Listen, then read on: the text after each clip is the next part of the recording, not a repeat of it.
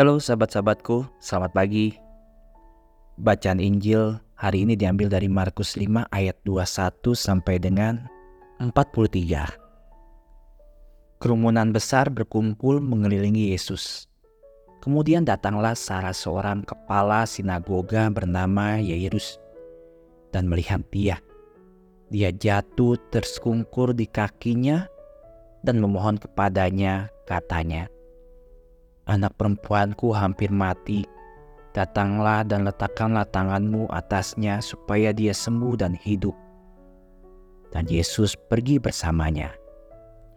Sahabat, sementara dia masih berbicara, datanglah beberapa orang dari rumah kepala sinagoga itu berkata, Anak perempuanmu sudah mati, mengapa engkau masih menyusahkan guru? Tetapi mengabaikan apa yang mereka katakan, Yesus berkata kepada kepala sinagoga itu, "Jangan takut, percaya saja." Kita semua ingat kisah ini dengan baik. Yairus adalah orang yang beriman. Dia datang kepada Yesus untuk meminta mujizat. Dalam perjalanannya ke sana, Yesus dilambatkan oleh seorang wanita dengan pendaharaan darah yang disebutkan Yesus. Musisat telah terjadi di depan mata mereka ketika beberapa pelayan Yesus berkata kepadanya terlambat. Anak perempuanmu sudah mati.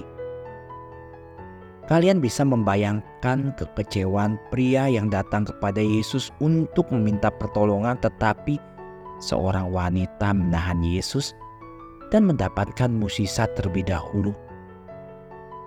Putrinya sekarang sudah mati, Yesus tidak bisa menyembuhkannya lagi. Tetapi sahabatku, kita tahu bahwa Yesus tidak pernah terlambat. Dia punya rencana dan dia tidak perlu memberitahukan pada siapa pun tentang hal itu. Yesus tidak ingin menyembuhkan anak perempuan Yairus dia punya rencana yang lebih baik.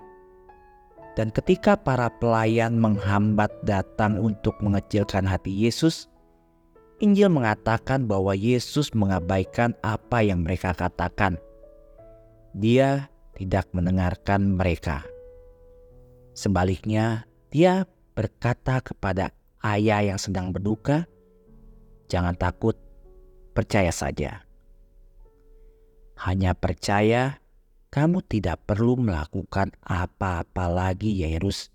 Hanya percaya. Sahabatku, dunia ini dipenuhi dengan orang-orang penghambat yang argumennya utamanya selalu sudah terlambat. Sahabat dan saya harus menyepelekan mereka dan hanya percaya.